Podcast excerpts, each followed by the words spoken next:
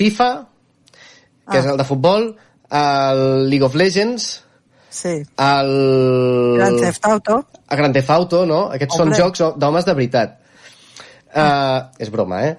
Vull dir, No, no, jo he fet unes reviews, hi ha unes app com enamorar a una mujer, eh? Vull dir que, ojo, ojo, el nivell que es pot arribar a tenir. eh?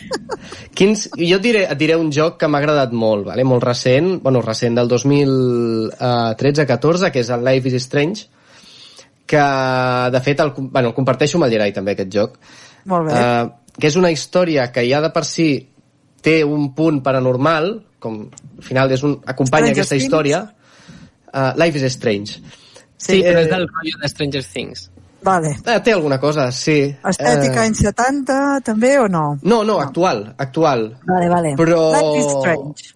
però és molt, molt, molt, molt actual, um, posa de manifest uh, el, tota la temàtica LGTBI, uh, tema de drogues també, Al final és una, una, com una novel·la interactiva que t'està explicant i és, és una història.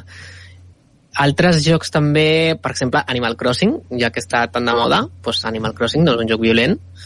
Eh, podem parlar de tots els videojocs que parlen d'esports, Clar. de tots els videojocs que, que, que parlen de, de cotxes o també hi ha moltes històries, per exemple Celeste també és un altre videojoc en, de plataformes que, que de per si no és violent i que explica una història amb un transfons molt important i, i també gris, per exemple, el de l'il·lustrador Conrad Roset.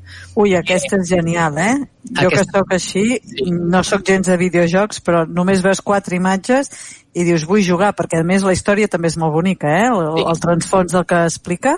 Exacte. És Mhm. després un joc que no només barreja, barreja l'art de les pròpies il·lustracions amb una història molt profunda d'una dona que pot viure qualsevol persona i que en, en si no va més enllà de a pistoles, armes, eh, violència, baralles, coses així.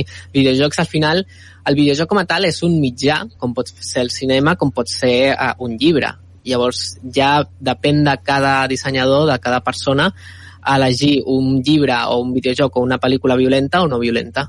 Doncs res, molts d'èxits amb targeta de memòria. Crec que un altre dia parlarem en concret d'algun joc. I, sempre que vulguis, eh? així, Doncs vinga, moltes gràcies i molta targeta de memòria. Llarga vida targeta de memòria. Ui, crec que ens hem allargat massa, per tant, saltem la secció de debat i saltem la secció de les notícies. i anem cap al final. Som-hi! Som-hi, El som-hi. pensament d'avui és l'automotivació en dies de confinament. Obrir les finestres i respirar la vida amb calma. Cada matí i enfortir els nostres pulmons amb gratitud. És una bona manera per no baixar la nostra vibració. Agafar vitamina D de forma gratuïta connectant-nos amb el sol. Tenir l'oportunitat de mirar-nos i buscar l'energia que ens dona el nostre company o companya, el nostre fill, la nostra filla, lo afortunats que som d'estar tots junts. Mai ens havien donat l'opció de gaudir dels inicis de la primavera, des de la calma i la desacceleració. Nutrir-nos d'aliments saludables, cuinats a poc a poc, i amb molt d'amor, posant atenció plena amb allò que mengem de forma conscient, depurar-nos de pensaments poc saludables, cap a nosaltres o al món exterior. El descans que li permetim al nostre cos en aquests dies. Omplir la meva ànima cada dia amb el creixement intern que estic fent. Donar les gràcies per aquests moments de reflexió i canvis interns. I recordeu que el poder està en el vostre cor, no a fora. I amb aquestes paraules de l'Alicia Talaia acabem el programa d'avui. Jo em quedo a casa, que vagi molt bé i ens escoltem aviat. Doncs vinga, Txela, moltes gràcies per aquest final a més tan tendre. Són les 11 i 4 minuts, gairebé i 5 minuts del matí i en aquest moment torna la informació de les nostres comarques del Ripollès, Osona, el Moianès i el Vallès Oriental. Territori 17, amb Vicenç Vigues i Jordi Sunyer.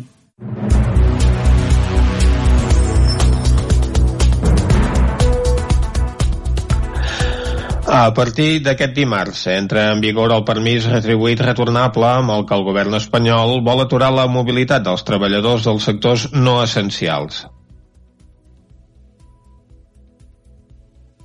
Tot i que la publicació de l'enduriment del confinament al BOE a última hora d'aquest diumenge donava un dia més al d'ahir perquè les empreses dels sectors no essencials poguessin fer el tancament. Les imatges d'ahir als polígons van ser del tot eloqüents. Sindicats i organitzacions empresarials consideren que la mesura és necessària per frenar el contagi del coronavirus, però l'empresariat també denuncia improvisació per part del govern central. Sentim a Gonzalo Plata, secretari general de Comissions Obreres al Maresme, Vallès Oriental i Osona, i també a Pere Ententes, president de la delegació a Osona de la Cambra de Comerç que el que és important és aturar uh, la crisi sanitària i, i qualsevol mesura que vagi en aquesta línia uh, serà saludada positivament. Totes les empreses, a part dels problemes econòmics i tresoreria que tenen i a part de com veuen el futur, les, les decisions els hi venen realment així de, de forma impulsiva i no que et puguis uh, regularitzar fins al dijous 9 d'abril estarà vigent el permís retribuït retornable que estableix que l'empresa ha de garantir el sou als treballadors que hauran de retornar les hores abans no acabi l'any.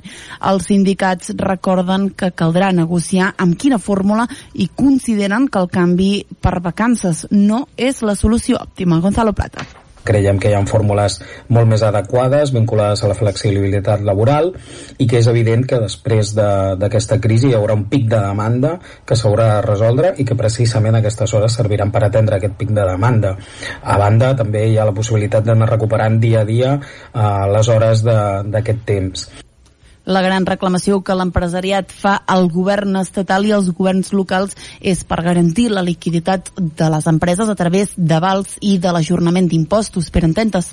Hi ha d'haver un esforç valent, real, que els diners arribin als autònoms, arribin als comerciants, arribin als empresaris, arribi tot arreu el permís retribuït retornable no afecta les persones que fan teletreball ni tampoc les que estan en un ERTO o els que tenen baixes d'incapacitat o per maternitat o paternitat.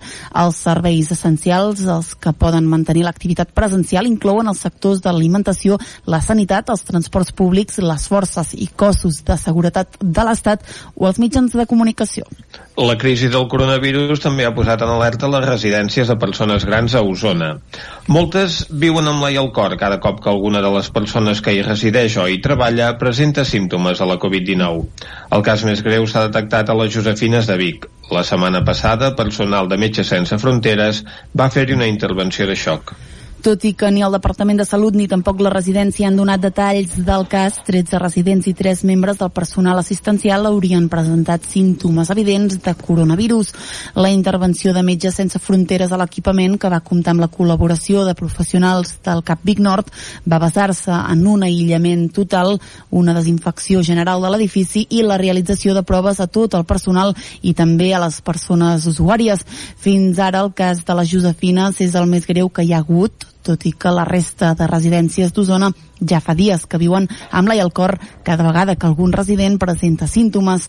A Centelles divendres l'Ajuntament va comunicar un cas positiu per Covid-19 a la residència Sant Gabriel. L'alcalde del municipi Josep Paré demanava més celeritat a l'hora de fer testos i pot jugar un paper clau al fet que la residència Sant Gabriel, així com l'àrea bàsica de salut Osona Sud, formin part de l'estudi clínic Covid-19 que lideren els doctors Oriol Mitjà i Bonaventura Clotet. Josep Pere que bàsicament vol dir que tots aquells professionals que han pogut estar en contacte amb persones positives de coronavirus els hi fa un seguiment tant mèdic com de, de testos per veure l'evolució, per veure com responen a aquests tractaments experimentals i tot això contribueix a la sensibilització que tenim des de l'Ajuntament, de la residència, del CAP i que en definitiva doncs, ha de donar cobertura a totes aquestes persones doncs, que s'han de creure molt en sèrio que el virus ha arribat, que el virus està a Centelles i que la l'única manera de frenar-lo és amb el confinament, la higiene i sobretot el respecte a les normes. Precisament aquest dilluns l'Ajuntament de Taradell va informar del primer cas de coronavirus a la residència Vilademany. Des del centre s'està aplicant el protocol i s'ha aïllat les persones que poden tenir símptomes associats a la malaltia. Segons la nota de l'Ajuntament, els treballadors de la residència disposen de tots els equips de protecció individual necessaris. La direcció del centre va tancar les portes el 15 de març i està informant de la situació a les famílies dels residents. La residència Vilademany és de titularitat privada, però el patronat d'aquesta està presidida per l'alcaldessa de Taradell. El casal Uller dels Hostalets de Balanyà on ja es va registrar una mort per coronavirus. Aquest cap de setmana s'hi han dut a terme les proves a residents i personal. A Torelló l'Ajuntament ha informat que, que als avis no hi ha cap cas positiu, tot i que hi ha residents aïllats de manera preventiva. Els alcaldes del Moianès demanen als Mossos d'Esquadra controlar l'augment de desplaçaments cap a segones residències a la comarca. Caral Campàs, des d'Ona Codinenca. Des dels diferents ajuntaments de la comarca han detectat que des que es va decretar l'estat d'emergència en la majoria dels pobles han augmentat els estiuejants, famílies que tenen una segona residència i que, contradient les recomanacions fetes per les diferents institucions, s'han desplaçat cap a pobles del Moianès. Isaac Burgos, president del Consell d'Alcaldes del Moianès, mostrava la preocupació dels ajuntaments locals. Sí que hem tingut, per desgràcia, aquestes pujades de, de segona residència al Moianès, diguem, tenim una sèrie de pobles que preparen el turisme i hi ha bastanta gent que ha pogut pujar durant aquest cada setmana com a segona residència. És per aquesta raó que estan en contacte amb els Mossos d'Esquadra per poder controlar l'augment de casos de gent que puja a les segones residències. Camp de Bànol també ajorna el pagament de tributs i taxes per la crisi del coronavirus. Tampoc es cobraran els dies que no s'ha prestat el servei del llar d'infants i s'ajudarà als comerços que no han pogut obrir pel decret de l'estat d'alarma. Isaac Muntades, des de la veu de Sant Joan.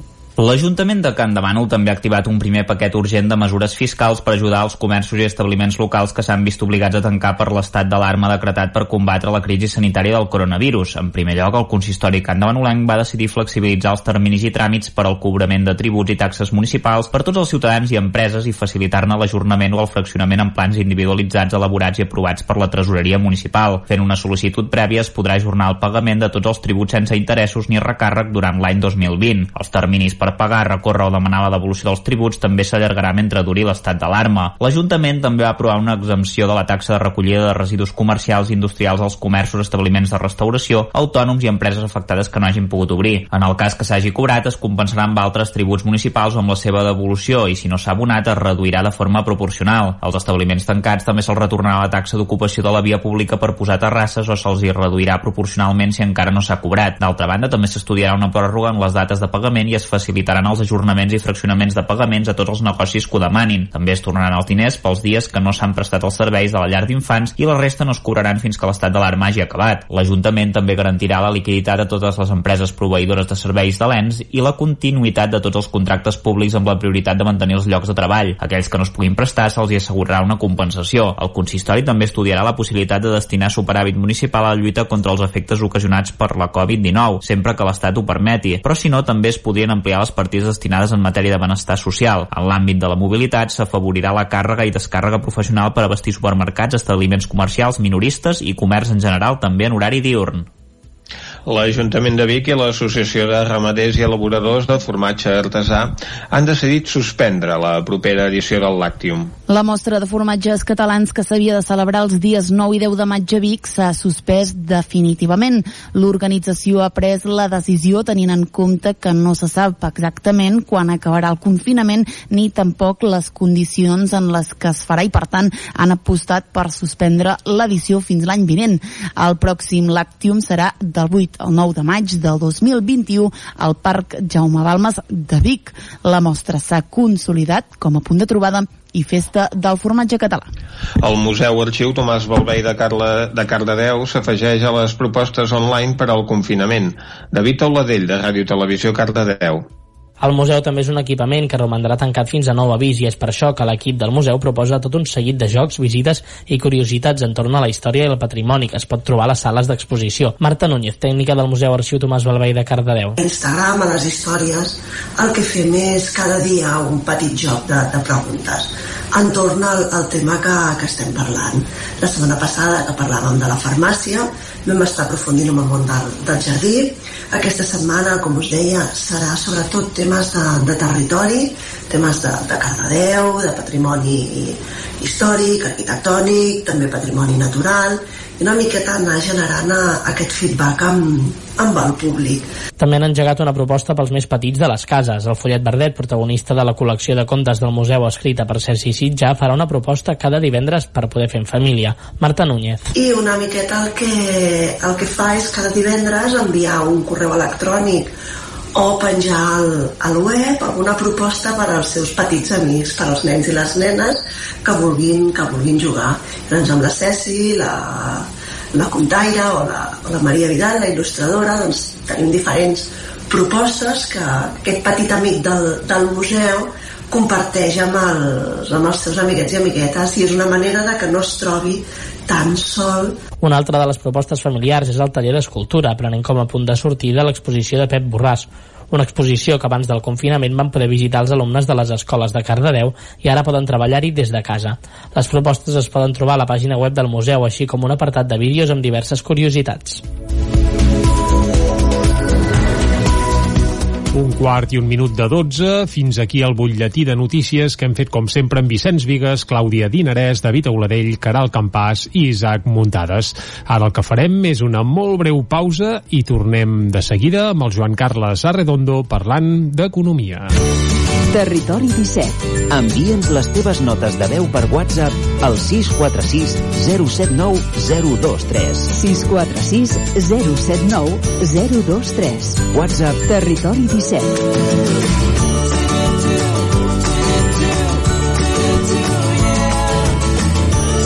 Territori 17. Som a Facebook, Twitter i Instagram amb l'usuari Territori 17.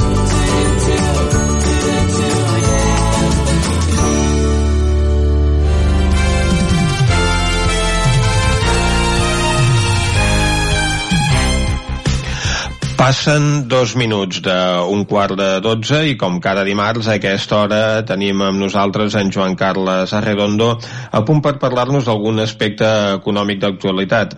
Avui ens vol parlar, Joan Carles, de l'helicòpter monetari. Joan Carles, per on vola aquest helicòpter? De, de, de, moment, de moment, malauradament, per enlloc. Després us explicarem una mica què és això de l'helicòpter econòmic, eh, perdó, l'helicòpter monetari, um, però bueno, de fet és com una mena de, de moment només és um, una teoria uh, i, i diguem-ne que potser ha arribat a moment la idoni potser ha arribat el moment idoni per poder-la posar a la pràctica. Um, estem, evidentment, en dies delicats, evidentment en dies delicats pel sistema sanitari, amb una pressió constant amb, per increment de contagis, cada vegada més pacients greus, etc. Moments delicats també per una ciència eh, abocada a, la, a, la, a estudiar l'evolució de la malaltia, eh, a, a treballar amb medicaments eh, més eficients, amb una vac- vacuna a la llarga que pugui prevenir la pandèmia. Eh, la ciència gairebé està treballant des de zero perquè, perquè el virus que ha causat aquest fenomen era desconegut no fa, no fa que, res, gairebé tres mesos, no? Eh, hi ha pressa per avançar en els remeis, però al mateix temps cal ser prudents, no? Eh, Tothom voldria tenir la vacuna ja, però clar, una vacuna ha d'evolucionar d'una manera determinada per, perquè finalment es pugui confirmar que, que és eficient, no? És a dir, ràpid, però amb prudència, no? Doncs i de la mateixa manera que el virus era un desconegut i s'ha de treballar amb prudència per intentar prevenir-lo, doncs um, um, estem, estem en el camp econòmic. Um, és el, el mal econòmic és ser un dany col·lateral a tantes vides perdudes, eh? Uh, però mm, ara sí que comença a veure's que el mal s'està produint, eh, evidentment en forma de llocs de treball, perduts temporalment o, o definitivament, d'empreses amb la supervivència en entredit i conseqüències que tot plegat, com una bola de neu, es van incrementant a mesura que passen els dies, setmanes, potser mesos. Eh, però de tota manera, la mateixa prevenció que és necessària davant, davant la crisi d'aquesta d'aquesta crisi sanitari en forma de, de confinaments a poblacions, eh, doncs eh, diguem-ne que, eh, que aquesta és la prudència que ha d'aconsellar, diguem-ne, a quins passos es puguin anar portant a terme des del punt de vista econòmic.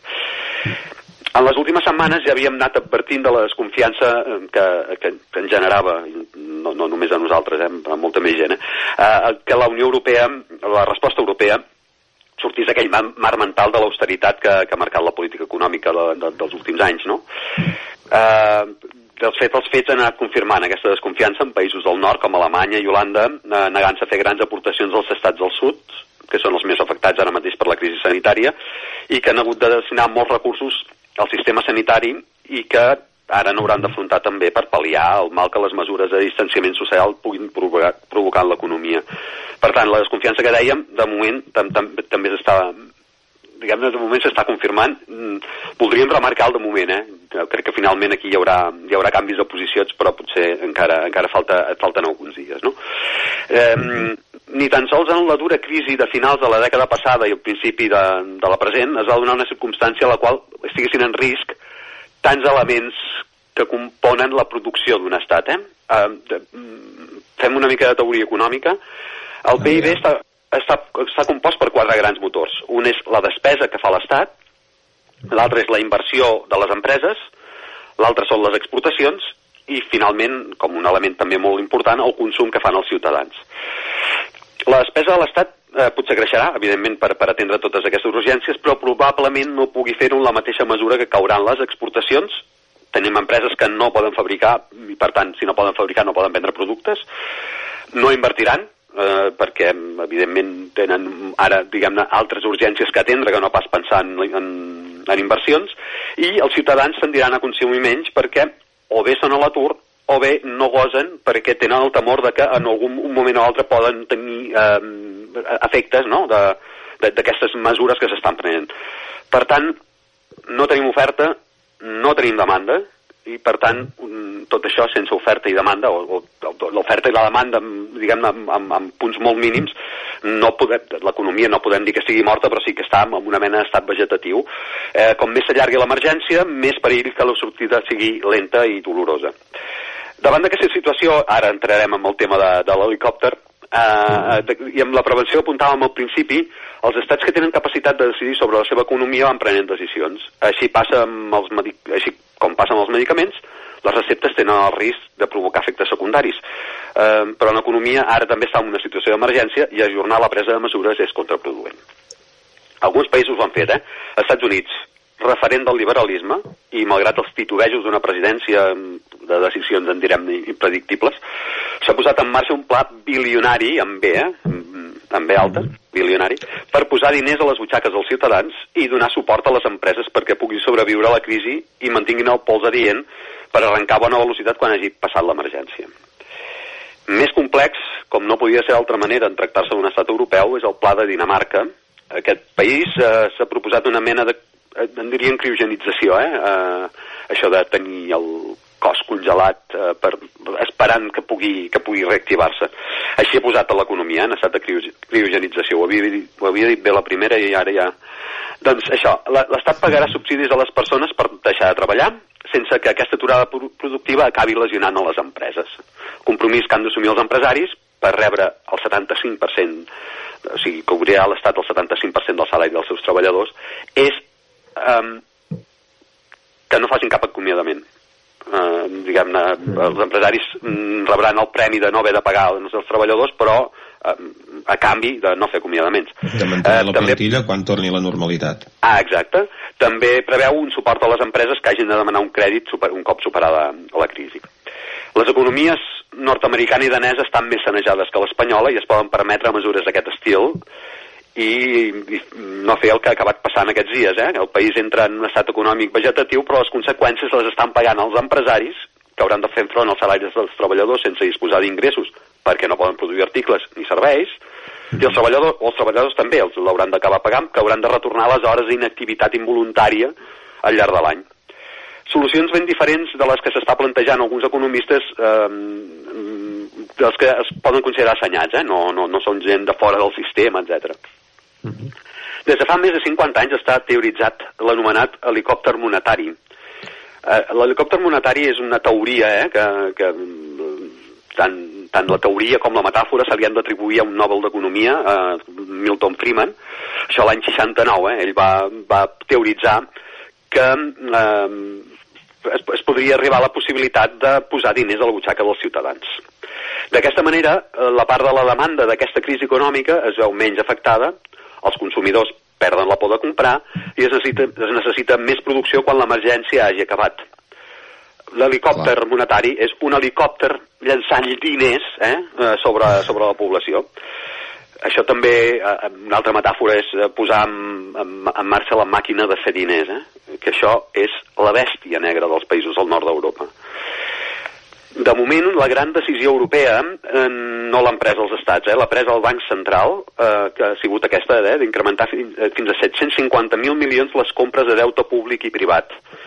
La màquina de fer diners, però només una mica, eh? perquè aquests diners no anirien a la butxaca dels ciutadans, sinó que van a la banca perquè mm, faci el, el mateix que fa el banc normalment, eh? diguem que després repartir-lo cobrant interessos, alguns diuen que els estan fent una campanya eh, en, els, en els bancs, estan fent una campanya de... Com, de, si és de, pels bancs. Exacte, eh, i això ja se sap que els bancs tenen un cert, eh, estan certament estigmatitzats ara mateix. L'helicòpter monetari estalviaria aquest pas de passar pel banc, però el problema, a banda de l'habitual desconfiança dels països europeus, és que crear diners del no-res és l'avançada d'una gran inflació. Això és el que fa molta por, eh? posar, din, posar mm, diners mm, sense eh, fer, fer, fabricar diners, diguem-ne, mm, tothom li fa molta por que això sigui una gran inflació. Tenim casos, eh, casos recents. Fa uns dies l'economista Xavier Sala i Martín partidari ara de la solució de l'helicòpter, reconeixia aquest risc, però en l'actual situació sintetitza la seva posició amb una imatge prou eloquent. Preocupar-se ara per la inflació, quan tenim un virus assassí que paralitzat l'economia mundial, és com, per, per, és com preocupar-se de si les cadires del Titanic estan ordenades. Això és cita textual seva, eh? Doncs dit queda, preocupar-se per això, doncs és preocupar-se per coses que són poc importants. Doncs amb aquesta sentència acabem aquest espai d'economia d'avui. Avui hem volat amb aquest helicòpter monetari. Moltes gràcies, Joan Carles Arredondo. Gràcies a vosaltres.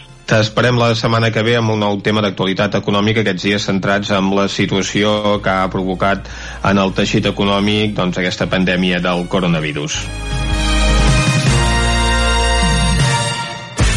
El nou FM, la ràdio de casa, al 92.8. Amb Pradell estalvio energia i cuido la meva butxaca i el medi ambient.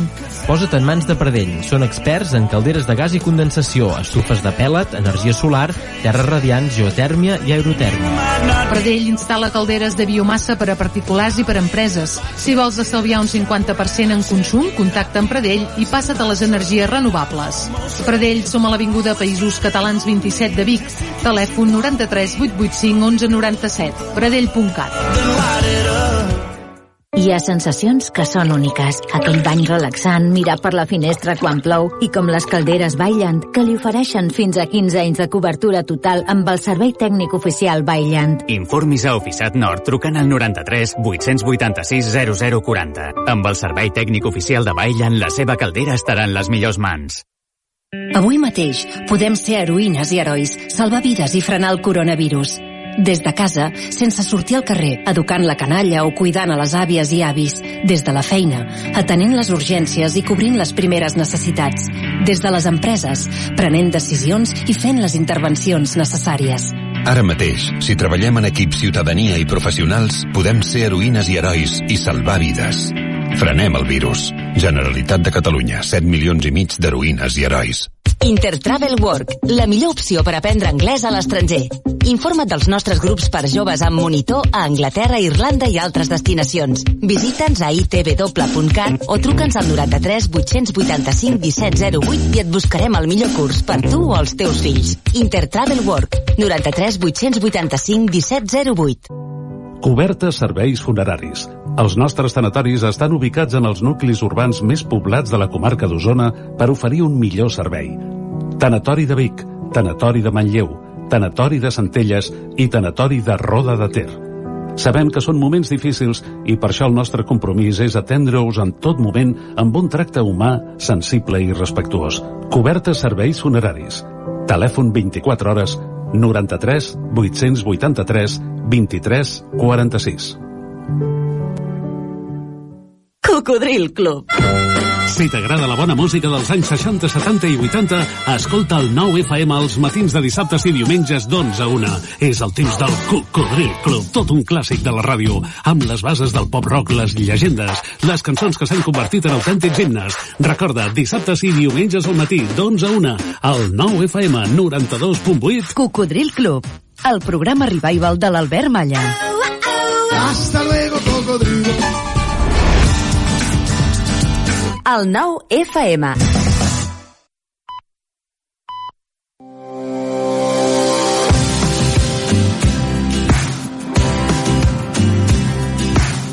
Com us avançava ahir, avui acabem amb aquestes vistes a les ciutats més increïbles del món des de Google Street View.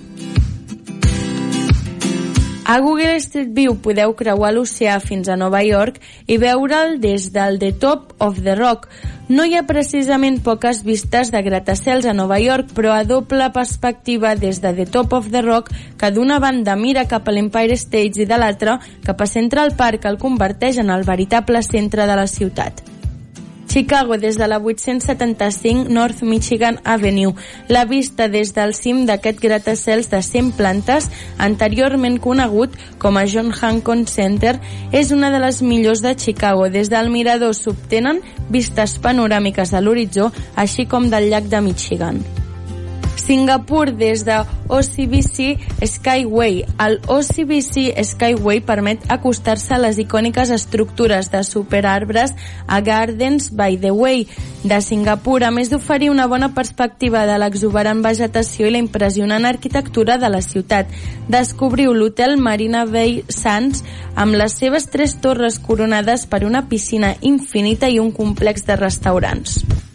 Ciudad del Cabo des de Table Mountain, l'altiplà de Table Mountain és un dels paisatges més reconeguts de Sud-àfrica. Pots pujar caminant o en telefèric fins al cim per gaudir d'increïbles vistes de Ciudad del Cabo o mentrestant veure aquesta bonica posta de sol en línia. Lisboa des de Cristo Rei. Cristo Rei, l'estàtua de Crist que guarda la ciutat de Lisboa, es troba al costat sud de l'estatuari de Tejo, un mirador de 18 metres d'altura que ofereix als visitants vistes immillorables de la capital de Portugal i del seu enorme pont penjant 25 d'abril. Los Angeles des de l'Observatori de Griffith. Aquest popular mirador és el lloc amb les vistes més increïbles de Los Angeles, que s'estén cap a l'oceà Pacífic. També mirant a terra endins es pot veure l'icònic cartell de Hollywood al vessant de la muntanya. Nàpols des del castell San Elmo. El massís irregular i fortament fortificat del castell San Elmo domina l'horitzó de Nàpols. És una bona caminada per arribar a dalt, però la recompensa és possiblement la millor vista de l'abadia de Nàpols i el Vesuvi. Aquí la tens gratis en línia. I per acabar avui, Rio de Janeiro des de la muntanya Pan de Azúcar. Amb una altura de gairebé 400 metres sobre el port, aquest famós pic és patrimoni de la humanitat per la UNESCO. És un viatge en telefèric de dues etapes fins al cim, amb increïbles vistes de Rio de Janeiro durant tot el trajecte.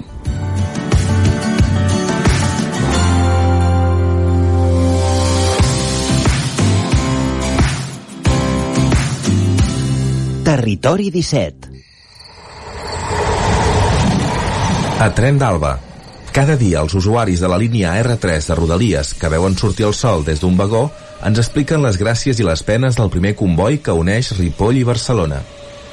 Benvinguts a Tren d'Alba. Espero que estigueu a casa confinats i no sortiu a comprar 5 vegades al dia i a treure el gos unes 8 vegades durant la jornada i a l'altra punta del municipi, que feta la llei, feta la trampa. Era broma. Certament la gent s'està començant a conscienciar que el coronavirus és un problema que ens afecta a tots i que pot afectar greument a la salut. I per sort, la immensa majoria de persones s'està quedant a casa. Aquests dies, per fer una mica més amena l'estada del domicili, us estic explicant curiositats sobre la primera línia ferroviària que va haver-hi a l'estat espanyol entre Mataró i Barcelona. Aquesta línia també va comptar amb la construcció del primer túnel de la península Ibèrica, que ja és una efemèride important. Poc després de passar per la ciutat de Badalona, la locomotora batejada com a Mataró va endinsar-se al túnel de Montgat, de 135 metres de longitud. Aquest túnel, juntament amb el gran pont de fusta que creuava el Besòs, era l'obra d'enginyeria més important del recorregut, ja que es tractava del primer túnel, com hem dit abans, de tota la península Ibèrica. L'obra es va acabar el 12 de maig de l'any 1948 i la gent de la zona va batejar-lo com la muntanya foradada. Ara, més de 170 anys després, en tenim moltes de muntanyes foradades quadrades. Al Ripollès tenim una quantitat de túnels bastant important, ja que la connexió amb la Cerdanya és orogràficament molt accidentada. Va, ens retrobem demà una altra vegada per seguir parlant de trens. Territori 17. Doncs vinga, per seguir parlar de trens, eh, Vicenç, demà escoltarem de nou l'Isaac Muntades sense cronistes habituals, perquè Exacte. evidentment els tenim tots confinats a casa, eh?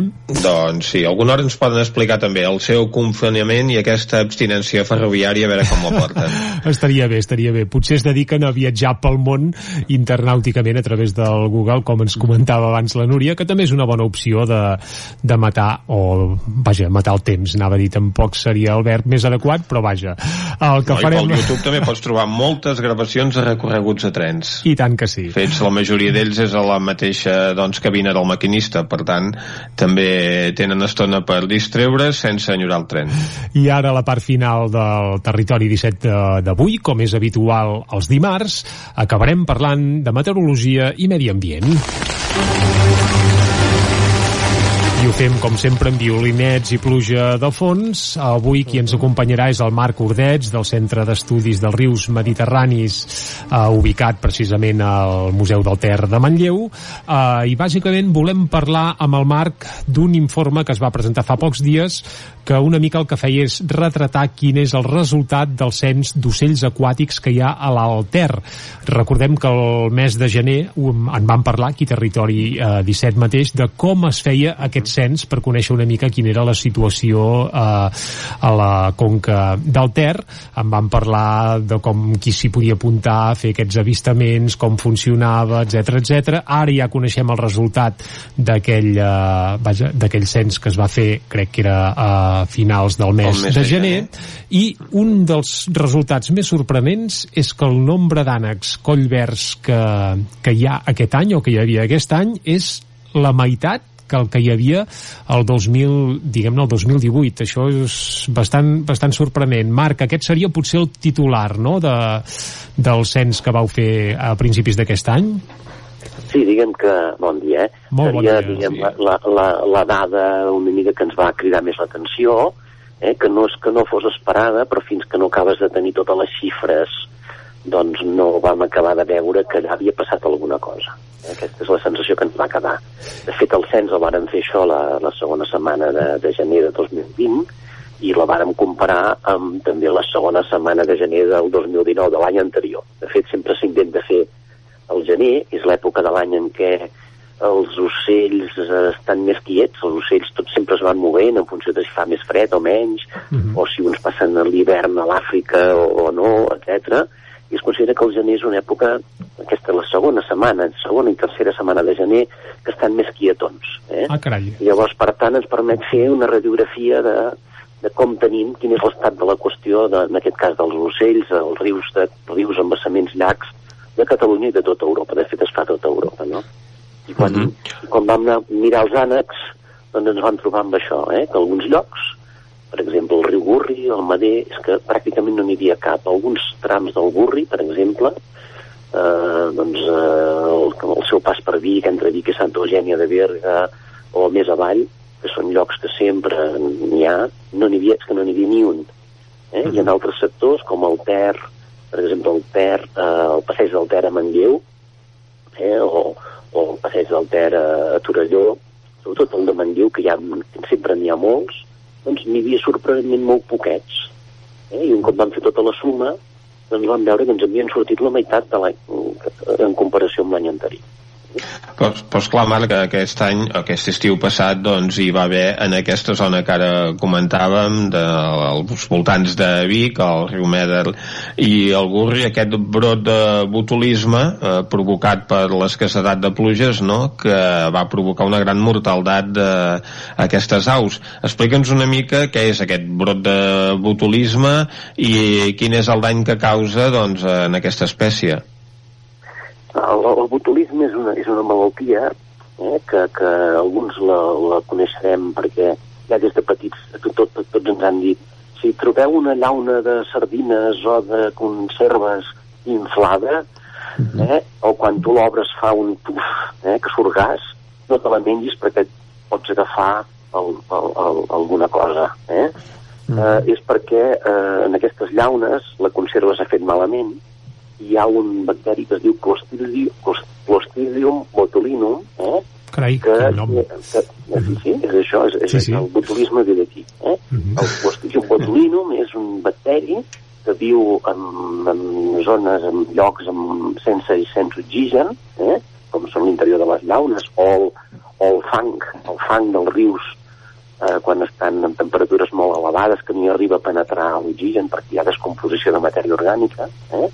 I aquest, aquest bacteri és molt punyetero perquè eh, allibera una toxina que en quantitats molt petitones doncs, produeix eh, això, eh, pot produir la mort. Eh? I llavors, eh, en el cas dels rius, eh, el, que, el que passa en els estanys és conegut, els aiguamolls de l'Empordà, el Delta de l'Ebre, eh, molts aiguamolls i llacunes costaneres, eh, a l'estiu ja passa això, eh? estius molt eixuts, eh, el sediment no hi arriba prou, eh, prou d'oxigen, són llocs que hi ha molta producció, hi ha molts adobs, hi ha moltes algues, eh? i alguns, algunes gavines, alguns ànecs que remenen allà enmig del fang, que busquen coquets o que mengen algues o el que sigui, es moren. Això aquí a Osona, jo, jo tinc 53 anys i no ho havia vist mai. Jo no ho havia vist mai. No sé si havia passat alguna vegada, però una situació tan extrema jo no l'havia vist mai. No vol dir que no hi hagués pogut ser, eh? però jo no, jo no la recordo. Llavors, què pot haver passat aquí? Eh? Què pot haver passat? Doncs, home, sí que va fer molta calor, però, però no només és la calor, eh? sinó que, que els rius doncs, eh, po- porten menys aigua del que portaven, perquè els apretem bastant. Eh, va coincidir que, a més a més, clar, nosaltres doncs, som molta colla, som molta gent a tota la plana de Vic, eh? i hi ha animals, hi ha granges, etc. I per tant, els rius amb menys aigua i amb els adobs que encara porten, doncs segurament eh, això van fer de que entre algues i bacteris van créixer bastant, el sediment aquest va perdre oxigen, haver descomposició de matèria orgànica, etc. i per tant era un, era un ambient molt propici a que es desenvolupés aquest, aquest, aquest bacteri que viu en aquests llocs que no hi ha gens d'oxigen i en canvi hi ha molta, molta matèria orgànica. Eh? Doncs en aquests, aquests anar menjant herbetes i el que fos, algues i el que fos, doncs eh, van, anar, van anar caient, van anar caient. Eh? Aquesta seria l'explicació que tindríem per saber, vaja, per, per comprovar que es va reduir a la meitat en només un any el cens del número, eh, del número d'ànecs de colls verds i a l'estudi que presentàveu, Marc, també indicàveu que hi havia un descens important del corp marí gros. Jo, clar, pensant en corp marí, dius, ostres, marí, i el tenim també a Osona, al Ripollès, etc. però en el cas del corp marí, quina podria ser una mica l'explicació també per aquesta reducció gairebé de, de, de la meitat d'individus també respecte a l'any anterior? A nosaltres què ens passa? Que nosaltres fem una, una avaluació un cop l'any i ens perdem detalls, eh? ens perdem detalls. En el cas dels ànecs colls verds, com que van viure l'episodi de mortandat, ens sembla que hi ha una relació directa i a més a més els llocs on es van morir més animals hem vist que quasi que no en quedaven. Per tant, això sembla bastant lògic. Eh? En el cas del cor marí, el cor marí gros és un animal marí, però que també viu a llacunes i llacs interiors i embassaments, i que de fet, eh, des de que es van crear els grans embassaments a tota la península ibèrica, doncs ha anat, ha anat eh, és, és més important a l'interior que no pas a la costa, eh? i sobretot és a l'hivern, no arriba a criar, eh? i aquest, aquest animal, com que és gros, i a més a més li agrada molt el peix, té enemics, eh? i a més és de color negre, i això el color em sembla que també és un tema psicològic, però també, també de fer de pobre. Eh?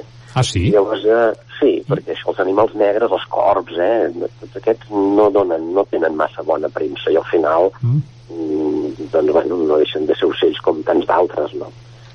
Uh, la qüestió, perquè no m'ho vull anar per les branques, la qüestió que, que, que els corps marins, clar, mengen molt peix, i, i, i doncs, eh, sobretot pel centre i al nord d'Europa, que hi ha molta indústria eh, d'agricultura, doncs eh, allà doncs, en, els controlen de tant en tant, doncs en, en maten, etc. Aquí mm, hi havia algú que havia mort algun, però, però bueno, no sabem ben bé si, si, si això pot haver fet aquesta davallada de la població.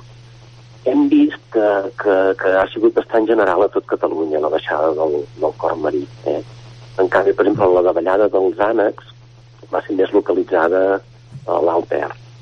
Tant en el cas del cor marí potser és alguna cosa que va més enllà de les comarques d'Osona i el Ripollès i la Selva i va potser més a escala europea Mhm. hi hagi alguns que es dediquin a caçar-los per, perquè, per, per reduir el seu impacte, per exemple, sobre la pesca a la costa holandesa, eh, per dir alguna cosa. Potser va una mica més per aquí. I de gavians argentats crec que aquest any doncs se n'han recuperat, és així això? Bueno, a, a, a nosaltres el que ens passa és que intentem fer tot tan bé com podem, però a vegades no, no és possible. Els gavians argentats tenen un costum que és anar a dormir tots junts. Eh? Són, són molt familiars en el sentit aquest de que van, van tot el dia amunt i avall eh? i al vespre s'apleguen i van amb una joca, que en diem una joca, van a joc, eh? van a joc, van a dormir Que aquí n'hi ha alguna de molt concreta, no? i n'hi ha alguna de molt grossa, eh, ara fa un temps que s'instal·len, bueno, fa un temps aquest any, perquè l'any passat no sabem ben bé on es van ficar i no els vàrem trobar, eh, a, les, a les naus de l'antiga fàbrica de Puigneró de roda, de roda de terra. Allà dormen la majoria, allà, sí. Mm, Pràcticament tots, eh? Hi ha, ni, ni algun... Eh, hi ha èpoques, quan estan criant, per exemple, les taulades de Vic o de Manlleu, que passen la nit allà, eh? al niu, etc. Però l'hivern estan més agrupats i en pot quedar algun escampat, però la majoria, gairebé la majoria, podríem dir que s'ajunten tots en una sola, en un sol grup. Eh? I aquest grup, doncs, és això, eh? de, del voltant de 1.600 eh, individus, que és el recompte que es va fer, que déu nhi eh? 1.600 Sí, sí, són, són molts dormint allà. I tant. eh, recorda la pel·lícula... La feina és a comptar-los, de fet, perquè tots allà col·locats, la veritat és que déu nhi la feinada que teniu. Sí, aproximadament 1.600. Eh? De fet, la, la persona, les, les persones, les dues persones que ho van fer anaven fent telescopi, a una certa distància, i per això la xifra no és exacta, eh? tant pot ser 1.550 com 1.650, d'ordre de 1.600. Eh? Uh -huh. Serien més o menys els que, els que, els que hi ha. Sol haver-hi aquest ordre de, de entre 1.600 i 2.000, són els que viuen a Osona. Ens sembla que és Osona i el Ripollès. No ho tenim ben clar, però vaja, el gran gruix és a Osona. Carai, i pensant en que eh, anava a dir van a dormir a les naus de l'antiga Puigneró a Roda, aquestes naus, la previsió és que vagin a terra d'aquí relativament poc, tot i que això no es pot dir mai, uh, on anirien a dormir després? No, altres, eh, aviam, hi ha èpoques que s'han s'han aplegat a altres llocs, per exemple, les naus de, del cordó del cordó de Manlleu, eh? també era un lloc on, on poden anar a dormir, on anaven a dormir, ja troben en algun altre indret més o menys eh, tranquil i que arran de terra, que així eviten doncs, que un gos o, o una guilla els pugui molestar, etc. No, no crec que faci falta conservar les naus per als gavians. Ja, ja, ja. Molt bé. Marc, més ocells. Va, tornem al, al cens que, que vau uh, presentar fa relativament poc. En el cas, per exemple, martinets, bernats pescaires, agrons blancs, esplugabous, que també se'n veuen molts uh, últimament. En aquest tipus d'ocells, uh, per on anem? Hi ha una millora? És a dir, n'hi ha més exemplars? O, o també està en descens com passa amb els ànecs i com citàvem abans el corp marí? Uh, com ho tindríem amb aquest tipus d'ocells? En aquests, eh, aquests en general van en augment. Eh? Tots aquests sembla que van en augment a tot arreu, a Europa també en general, i a Catalunya en concret, i a Osona també en concret, eh, perquè doncs, d'un temps cap aquí ara ja no, no es cacen, eh, la gent el respecta, etc. Alguna cosa, socialment alguna cosa va millor, eh? hem de ser optimistes en aquest sentit, no? I llavors aquests grups, doncs, sembla que de mica en mica van creixent. A l'hora de fer els censos, però tenim problemes, perquè, sobretot a l'hivern, els bernats pescaires, per exemple, els agrada molt sortir del riu i van pels, pels camps a menjar eh, talpons, que són una mena de ratolins eh, herbívors, eh? Uh -huh. i es posen allà quiets com si fossin estàtues esperant que surti el talpó que fa aquells pilotets de terra Sí, sí. aquells pilotets de terra enmig dels camps i llavors quan tu vas fent tot el cens per dins del riu eh, en falten eh, a vegades i llavors tenim irregularitats o per exemple els esplugabous que s'assembla molt a un bernat pescaire però és més petitó, de color blanc amb el bec groc que, que s'apleguen en grups que a vegades dormen en arbres a prop del riu però a vegades dormen a altres llocs i per exemple aquest any eh, doncs eh, s'han han agafat el costum d'anar a dormir a la depuradora de Vic. La depuradora de Vic té uns grans dipòsits d'aigua que homogeneitzen tota l'aigua residual de Vic, eh, que és una aigua que ve de les fàbriques, de les cases, etc. I en el procés de tractament hi ha una, hi ha una, hi ha una zona segon, doncs per ells és com una mena de, de, de, de, de anava a dir jacuzzi, no, perquè ells estan al damunt, com una mena de, de sauna, eh? perquè a l'hivern fa bastant fred, ells tenen unes barres on poden asseure's i es posen a damunt d'aquesta aigua calentona i s'han agrupat allà. Eh? I llavors, aquest any i l'any passat, doncs, eh, instal·lat aquí i hem vist que doncs, n'hi ha doncs, eh, cap a 200, 200 i escats. déu nhi un nombre que va creixent. Aquests animals, tant uns com els altres, com els martinets, eh, els martinets també eh, blancs i els de nit que venen després a la primavera, molts d'aquests estan criant a la vora del Ter, eh, amb una colònia de cria que hi ha entre les masies de Voltregà i Torelló, i com que aquesta colònia doncs, és respectada per la gent i la gent la va veure perquè és un espectacle molt bonic de veure i els propietaris que tenen aquests, aquests nius en els verds a la vora del riu els respecten, doncs va, van, van anar en augment i creiem que això també ajuda que cada vegada n'hi hagi més. I segurament que eh, en aquest recompte doncs, que veu de terme també haureu vist alguna espècie curiosa, alguna cosa que us haurà cridat l'atenció i que no és habitual. Bueno, sempre apareixen, sempre apareixen eh, espècies una mica, una mica estranyes, eh? però diguem que, jo què sé, des de la cotxa blava, que, doncs, que hi ha una sèrie de tornitòlegs que dediquen a anar-la a veure, que és un animaló petitó, és un ocellet petitó que té la panxa blava i molt bonic, doncs, que es troba en una bassa, concretament una bassa a prop d'una d'una granja de vaques a, a Fogaroles, eh? eh, doncs, a part d'alguna curiositat d'aquest tipus, tota la resta doncs, són espècies que doncs, pots anar veient, per exemple, les fregalugues, eh, que són una mena de vinícoles que venen de la costa cap aquí quan farà, o, o del Pirineu, quan fa molta fredurada ja trobes enmig dels, dels camps, o altres com els becadells, etc. Eh? Potser com a curiositat, per anar tancant, potser diríem que sí que el que hem vist aquest any és que la, la merla d'aigua, que és un ocellet eh, que, petitó, que viu als rius i que s'alimenta de petits invertebrats aquàtics, hem vist que té, manté una tendència a anar augmentant i concretament aquest any n'hem trobat doncs la veritat, a més de 50, que és una xifra bastant important, i l'hem trobada molt avall. I, i això què vol dir? Que, que la qualitat de l'aigua del riu millora? O és bon indicador trobar merles d'aigua?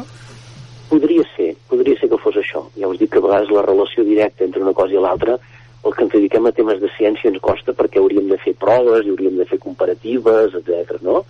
Però si, si comparem les dades de, del principi que fèiem aquest cens eh, l'any 98, del segle passat, eh, quan érem molt més joves i érem estudiants, fins ara hem vist que amb llens de serra, eh, amb llens de serra, doncs sí que té una tendència a augmentar. Eh? Si al principi en trobàvem a tot el Ter eh, 15 o 20, doncs ara estem més a l'entorn dels 50. Eh? I això doncs, amb, amb, amb 30 anys doncs, no està malament. Eh? Vol dir que, que és un animaló que ens pot indicar eh, que amb timidesa i amb anys més bons i més dolents la qualitat dels rius també és millorar. Bueno, pot ser. Pot ser. Ens comentes que dades des de 1998 que es fa uh, aquest cens. Això ja ens dona una perspectiva... Ah, imagina, encara més. Això sí que ja ens dona una perspectiva bastant important per saber si anem cap a millor, anem cap a pitjor. Uh, si haguéssim de definir-ho així a grans trets, uh, estem millorant o la cosa no acaba d'arrencar? Com ho valoraries, Marc? Quant a ocells, clar, cada, cada grup nosaltres que ens dediquem en general a fer servir la fauna com indicadora de canvis, eh? i treballem sobretot amb fauna aquàtica, cada, cada grup t'explica una cosa, i els ocells, com que es mouen molt, eh, t'indiquen coses com ara parlàvem de la merla d'aigua, però també eh, també a vegades estan influenciades per altres factors que, que van més enllà de la qualitat de l'aigua, per exemple, això que parlàvem dels quarts marins i de la caça, no? I, i per tant, tot ho hem d'agafar amb pinces i hem de destriar el gra de la palla i és el que costa, no? Però a grans trets sí que podríem dir que tant el nombre d'individus que trobem cada any com la qualitat dels, dels grups que trobem, això mateix que dèiem els arbeits, que són eh, els barrancs pescaires, tots aquests, aquests, animal, aquests, aquests ocells que són molt delicats i que s'ha de vigilar molt de no destorbar-los, etc. Mm -hmm. Doncs sí que podríem dir que en nombre va en augment i que la qualitat i la riquesa d'espècies que anem trobant també eh, va en augment. Eh? També és veritat que d'un temps cap aquí hi ha més observadors, hi ha més gent que, que coneix els ocells, però vaja, podríem dir que en aquests 30 i escaig anys, diria 33 ara, no ho compto malament, doncs eh, hem vist que el, cada vegada hi ha més ocells i de més qualitat en general. I n'hi ha alguns que hagin desaparegut en aquest temps, perquè em, em sembla recordar que aquest eh, recompte es va començar a partir d'un desastre ecològic, no? Sí, sí, sí, ho dius bé, ho dius bé.